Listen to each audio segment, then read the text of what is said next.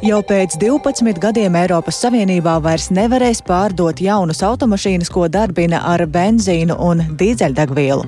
Radījumā pusdiena plašāk skaidrosim, vai Eiropas autoražotāji un arī autovadītāji ir gatavi tik lielām pārmaiņām.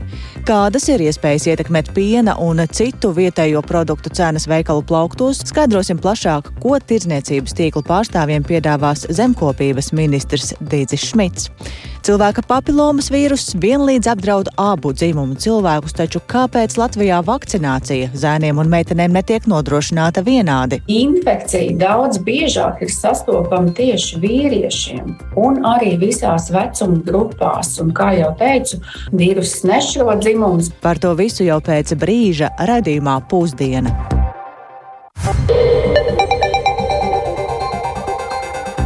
Piecas minūtes pāri 12. Esiet sveicināti ziņu raidījumā pusdiena, kurā skaidrosim šīs dienas 16. februāra svarīgos notikumus. Studijā Dācis Simenoviča.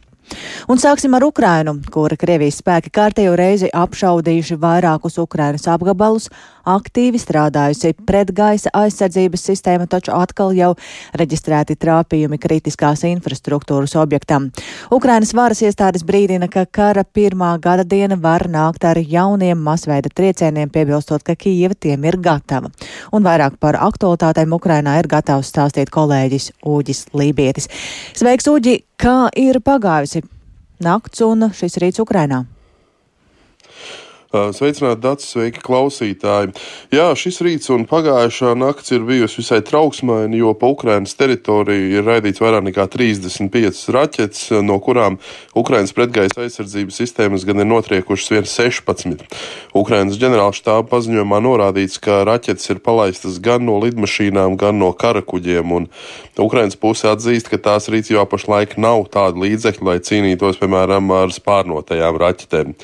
Atsevišķas prognozes liecina, ka jauns uzbrukums varētu sekot jau šodien, taču, kā uzskata Ukrainas Nacionālās drošības un aizsardzības padomas sekretārs Aleksijs Daņīlovs, tad Krievijas spēki ar vien aktīvāk mēģina mainīt taktiku, tostarp arī uzbrukot naktī, lai atrastu visefektīvākos uzbrukuma scenārijus.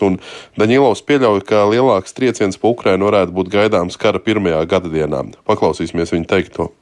що вони готуються і будуть намагатися саме на 23 на 24 лютого. Viņi gatavojas 23. vai 24. februārī sarīkot vēl vienu masveidīga gaisa uzbrukuma mēģinājumu. Pret to ir jātiecas mierīgi. Vēl jau vairāk mēs tam esam gatavi. Mēs jau esam šādus uzbrukumus piedzīvojuši, un, ja tā var teikt, mūsu teritorija dienas laikā ir uzņēmusi vairāk nekā simt raķešu. Tiksim galā arī šoreiz. Taču tam ir jāgatavojas. Tas ir jāuztver absolūti absolūti mierīgi un ir jāsaprot, ka mēs militārā ziņā tāpat uzvarēsim.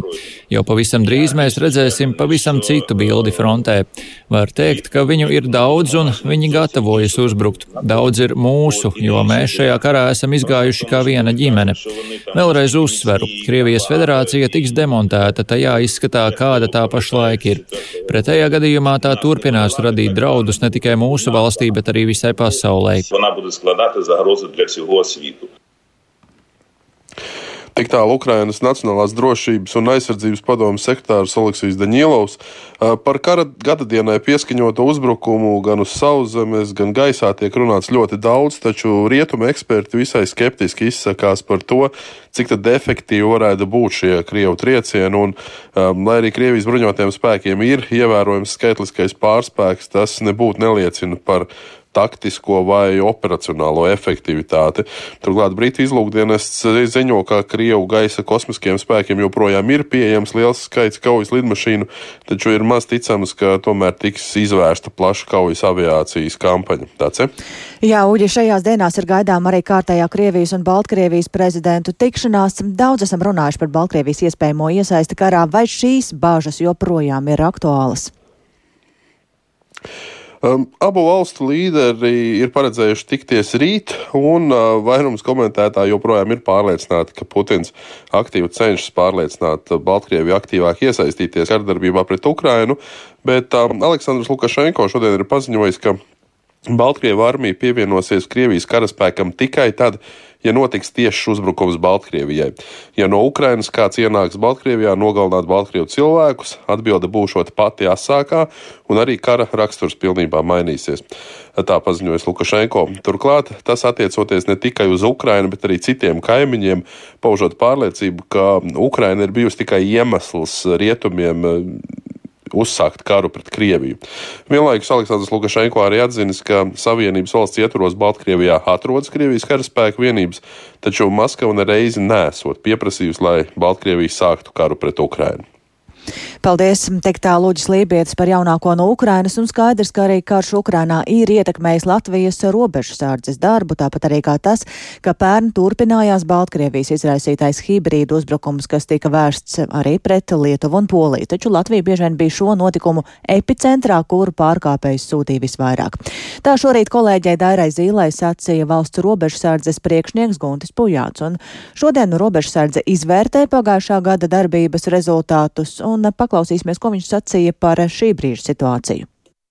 Pārkāpumi nav izbeigušies, 30, 20 katru dienu mēģinājumi ir tomēr nelikumīgi šķērsot robežu. Redzam, ka ir samazinājies Lietuvas virzienā, bet uh, vēl augstāka šī intensitāte ir uz Latvijas-Polijas robežu. Bet, jebkurā gadījumā nav tā, ka par Latviju būtu režīms aizmirsis un ik pa laikam tiek svests jaunas grupas, lai testētu mūsu spējas apsargāt Latvijas ārējo robežu.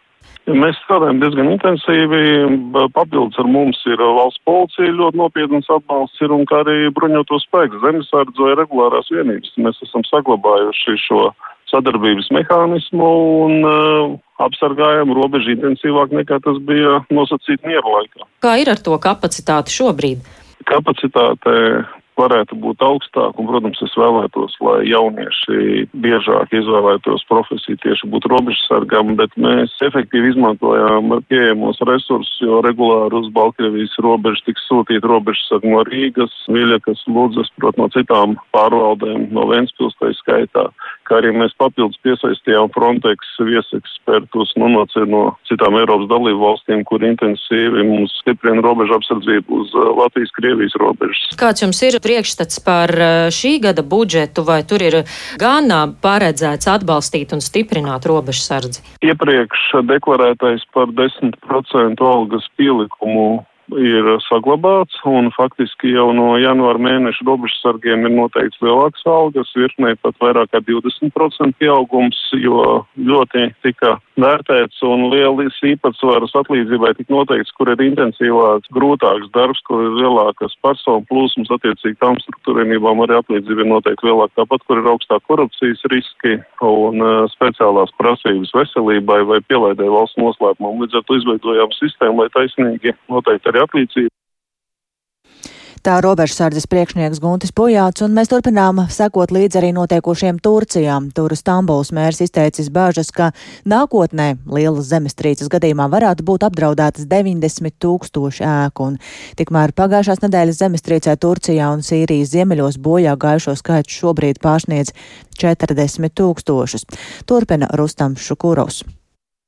Imamoglu vienā no Turcijas televīzijas programmām sacīja, ka pašreizējās aplēses par ēkām, kurām draud sabrukšana gadījumā, ja zemestrīces atkārtosies, ir gandrīz divas reizes lielākas nekā uzskatīja iepriekšējā administrācija. Mums ir jārīkojas ļoti ātri, lai uzlabotu ēku konstrukcijas un nodrošinātu to atbilstību Turcijas būvnormatīviem, jo īpaši attiecībā uz būvniecību zemestrīcēm pakļautās vietās, sacīja Imamoglu.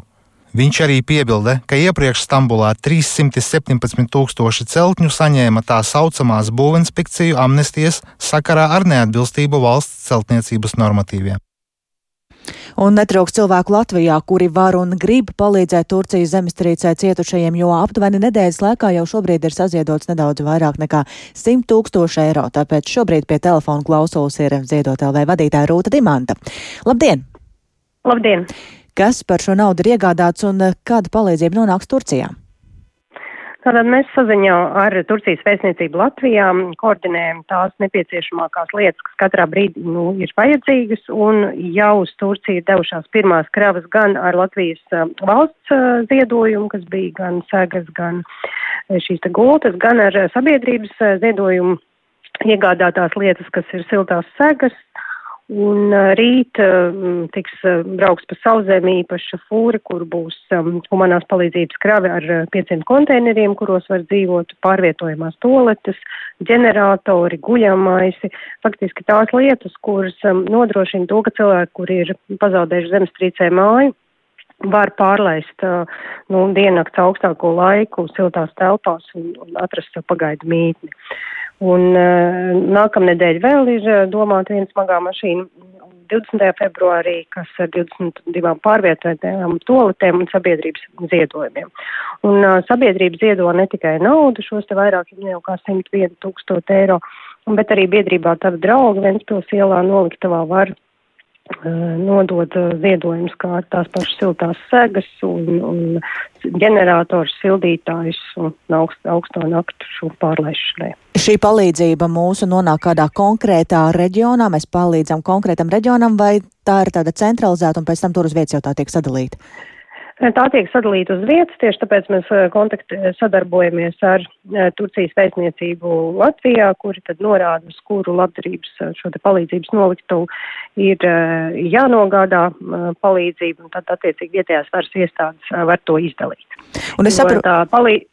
Jā. Jā, tā palīdzība ir koordinēta arī starptautiski, lai ne, nebūtu tā, ka vienā vietā ir daudz savas un citā trūks, kā tas varbūt pirms 10, 20 gadiem bija gadījies daudz pēc zemestrīcēm Haitī vai kur tad uh, ir ņemts uh, vērā mācības un šī starptautiskā palīdzība tiek koordinēta. Turklāt arī ir pieredze ar Ukraiņas palīdzības koordinēšanu jau visiem. Un es saprotu, ka joprojām ir tā iespēja palīdzēt. Kas ir tas, kas ir visvairāk vajadzīgs un ko varbūt noteikti nevar vest, jo laikam ne tikai nauda. Ne tikai nauda ir tas, kā mēs varam palīdzēt.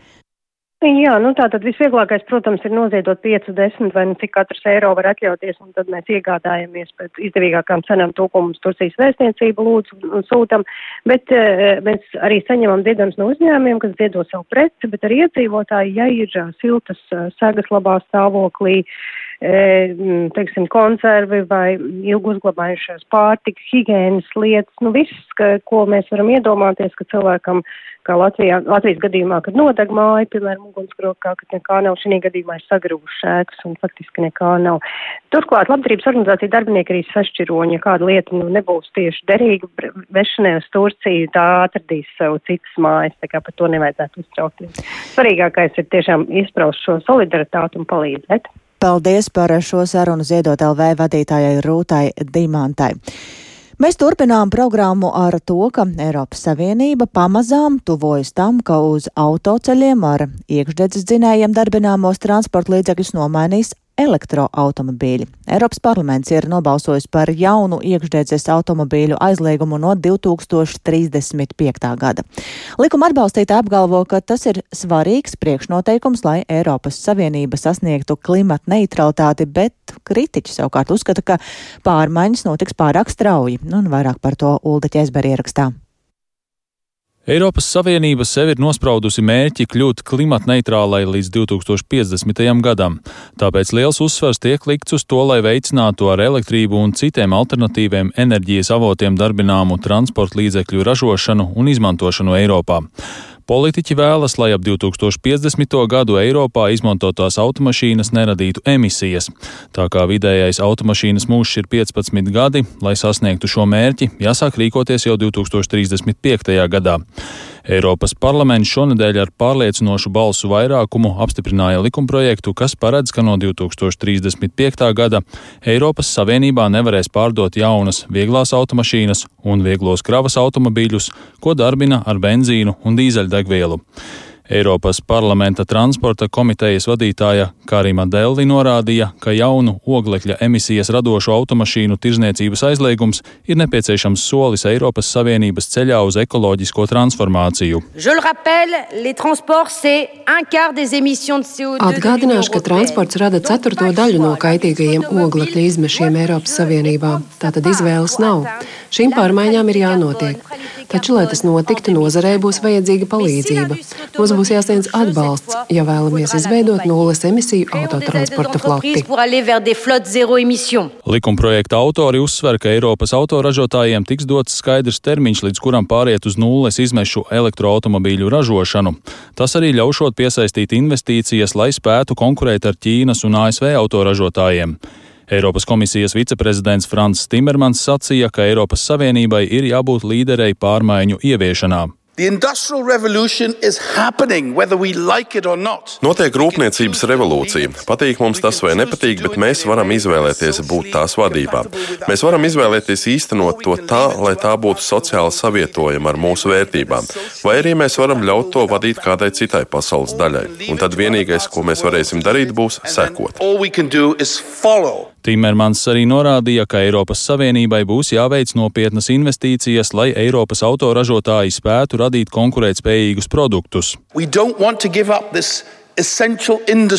Mēs nevēlamies atdot šo būtisko nozari ārzemniekiem, tāpēc mums ir jāinvestē Eiropas autorūpniecības pārveidē, lai ražotu elektriskos transporta līdzekļus pārdošanai visā pasaulē.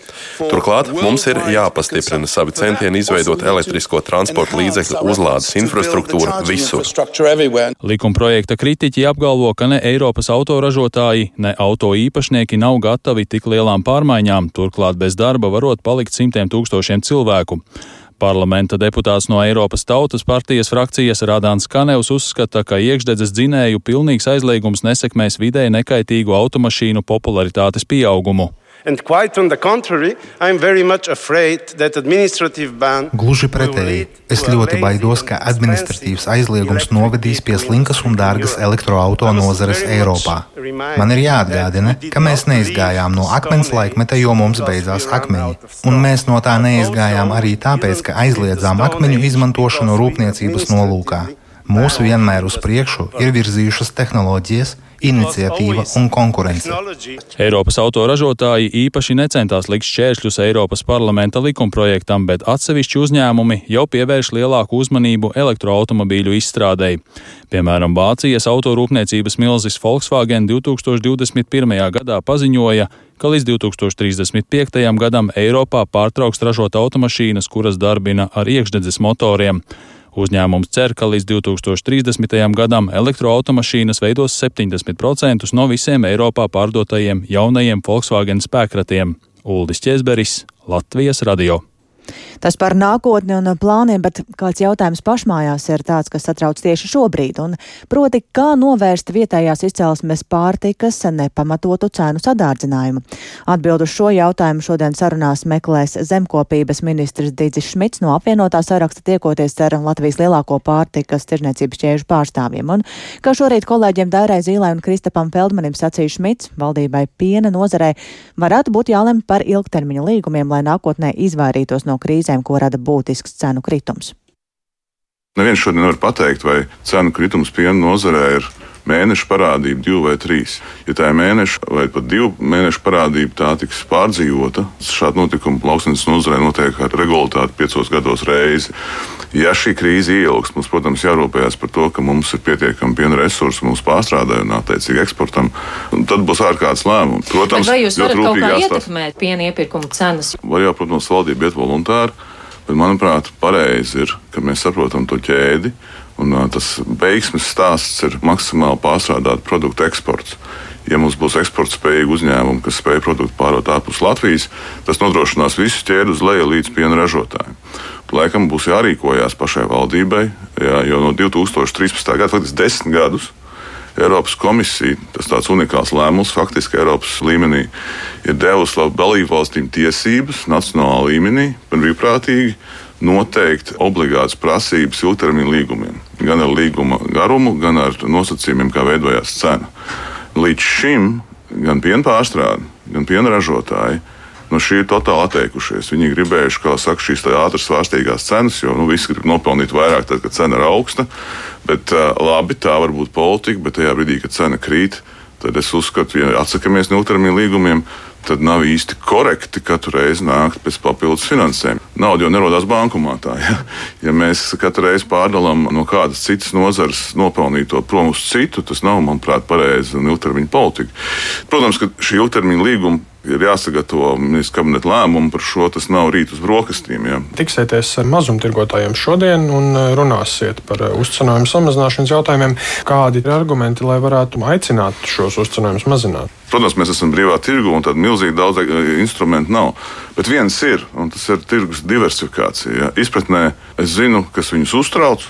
Viņus uztrauc, ka mēs varētu ieviest politiku, kāda tā ir ļoti daudzās Eiropas valstīs ka lieliem tirzniecības centriem tiek noteikts darba laika ierobežojums. Piemēram, Francijā un Vācijā lielie tirzniecības centri svētdienās ir slēgti, sestdienās ir ļoti ierobežota darba laika, un darbdienās arī tikai līdz pusdienas astoņiem, kas atver vietu maziem veikaliem. Tur ir tirzniecības laiks, kurā viņi var pelnīt. Bet ko no tā, tā iegūta piena ražotājs? Viņi nebūtu atkarīgi tikai no Maksimas iepirkēja vai Rīgas vai Lidla iepirkēja, kā saka, uzspiestās politikas. Būtu vieta tirgot pienu arī citur. Tā zemkopības ministrs Dīdzis Šmits, un vai tiks rasti kādi risinājumi, lai vietējās izcelsmes pārtika nepamatoti nesadārdzinātos, tas būs zināms pēc šodienas zemkopības ministra sarunām ar lielāko pārtikas tirdzniecības ķēžu pārstāvjiem, un to skaidrosim arī mēs raidījumā pēcpusdiena. Un mēs pievēršamies vēl vienam tematam - vakcinācijai un uh, kādai ar to saistītai netaisnībai. Cilvēka papilomas vīruss var izraisīt vairāku veidu vēzi, taču atšķirībā no citām onkoloģiskajām slimībām No tā sevi var pasargāt vakcinējoties. Latvijā ir valsts apmaksāta vakcinācija pret papilomas vīrusu, taču zēniem un meitenēm to nenodrošina vienādi. Meitenēm tā ir no 12 līdz 17 gadiem, zēniem no 12 līdz 14 gadiem. Tomēr vēzis vienādi apdraud abu dzimumu cilvēkus, tāpēc arī organizācija Māmām un Tētiem šodien organizēja diskusiju par netaisnīgo sadalījumu, un diskusijā bija klāt arī kolēģi Zane Ēniņa, kura par šo tematu turpina sveikšana. Sveiki, jā. Uh, jā, diskusija bija ļoti plaša. Tajā bija gan imunizācijas speciālisti, gan dažādi ārsti, gan uh, valsts institūcija pārstāvji. Un, um, profesora Dārsa Zavacka sākumā atgādināja, ka papilomas vīrus ir ļoti izplasī, izplatīts dzīves laikā, ar to inficējas gandrīz katrs no mums.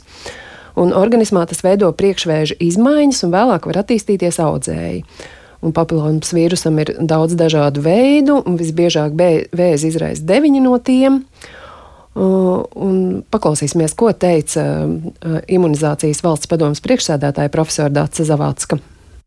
Infekcija daudz biežāk ir sastopama tieši vīriešiem un arī visās vecuma grupās. Un, kā jau teicu, vīruss nešķiro dzimumus. Mēs visi inficējamies, gandrīz visi tiešām savas dzīves laikā kādreiz ar šo vīrusu tiekām. Jā, uh, profesors Zavats arī stāstīja, ka nav iespējams pateikt, kuram vīrusu izraisītā infekcija pati pāries, kuram nē. Pēc tam būtu jāizveidojas antivielām, bet uh, papilāmas vīrusu gadījumā tas notiek vāji, un antivielas ir nenoturīgas. Un te arī nav tāda, nu, nevarētu teikt, ka vīrusu gluži nešķiro, jo izrādās, ka, uh, kā pētījumi rāda, vīriešiem antivielu ir vēl mazāk, un tas ir vēl vājāks. Un vīrieši arī visa mūža garumā ir pakļauti inficēšanās riskam, lielākā mērā, un papilāmas vīrusu ierosināt vēža veidošanās riskam. Turpretī sievietes tikai līdz apmēram 55, 60 gadu vecumam. Tātad ārstiem netrūkst pamatotu argumentu, lai vakcinējot no papilāmas vīrusa vienādi sargātu gan sievietes, gan vīriešus, un lai vakcinēt sāktu pēc iespējas agrāk. Un profesori arī atgādināja, ka Latvijā sākumā vakcinēja tikai meitenes no 2010. gada, bet zēnus sāka vakcinēt no 2022. gada. Bet uh, tagad runa ir par to, kāpēc nav vienlīdzības vecuma ziņā. Izskan aicinājums nodrošināt abu dzimumu bērniem vienādu vakcināciju vecumā no 12 līdz 17 gadiem. Un, piemēram, onkologs Guntis Ansāns argumentēja, ka abu dzimumu bērnu vakcinācija ir svarīga arī gluži racionāla apsvēruma dēļ. Paklausīsimies, ko teica Guntis Ansāns.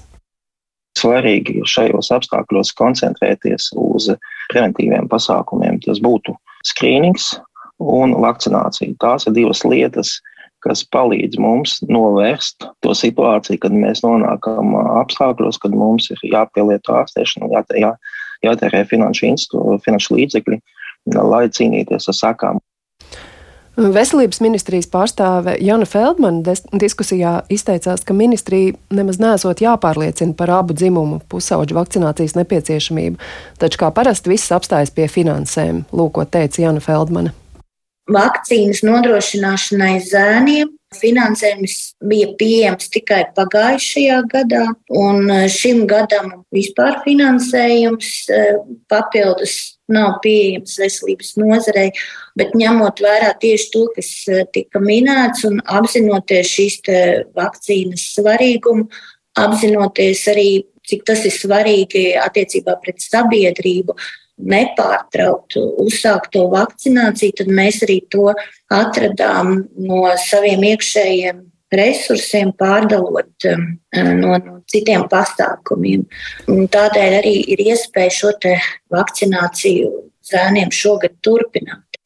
Jā, ministrijas pārstāvja tātad apliecināja, ka tiklīdz tas būs iespējama, iespējams, tā uh, vakcinēto bērnu vecuma grupas tiks paplašinātas. Tātad viss atkarīgs no naudas, un ar to arī izskan rādījums pusdiena, ko veidoja producenta Ilza Aginte.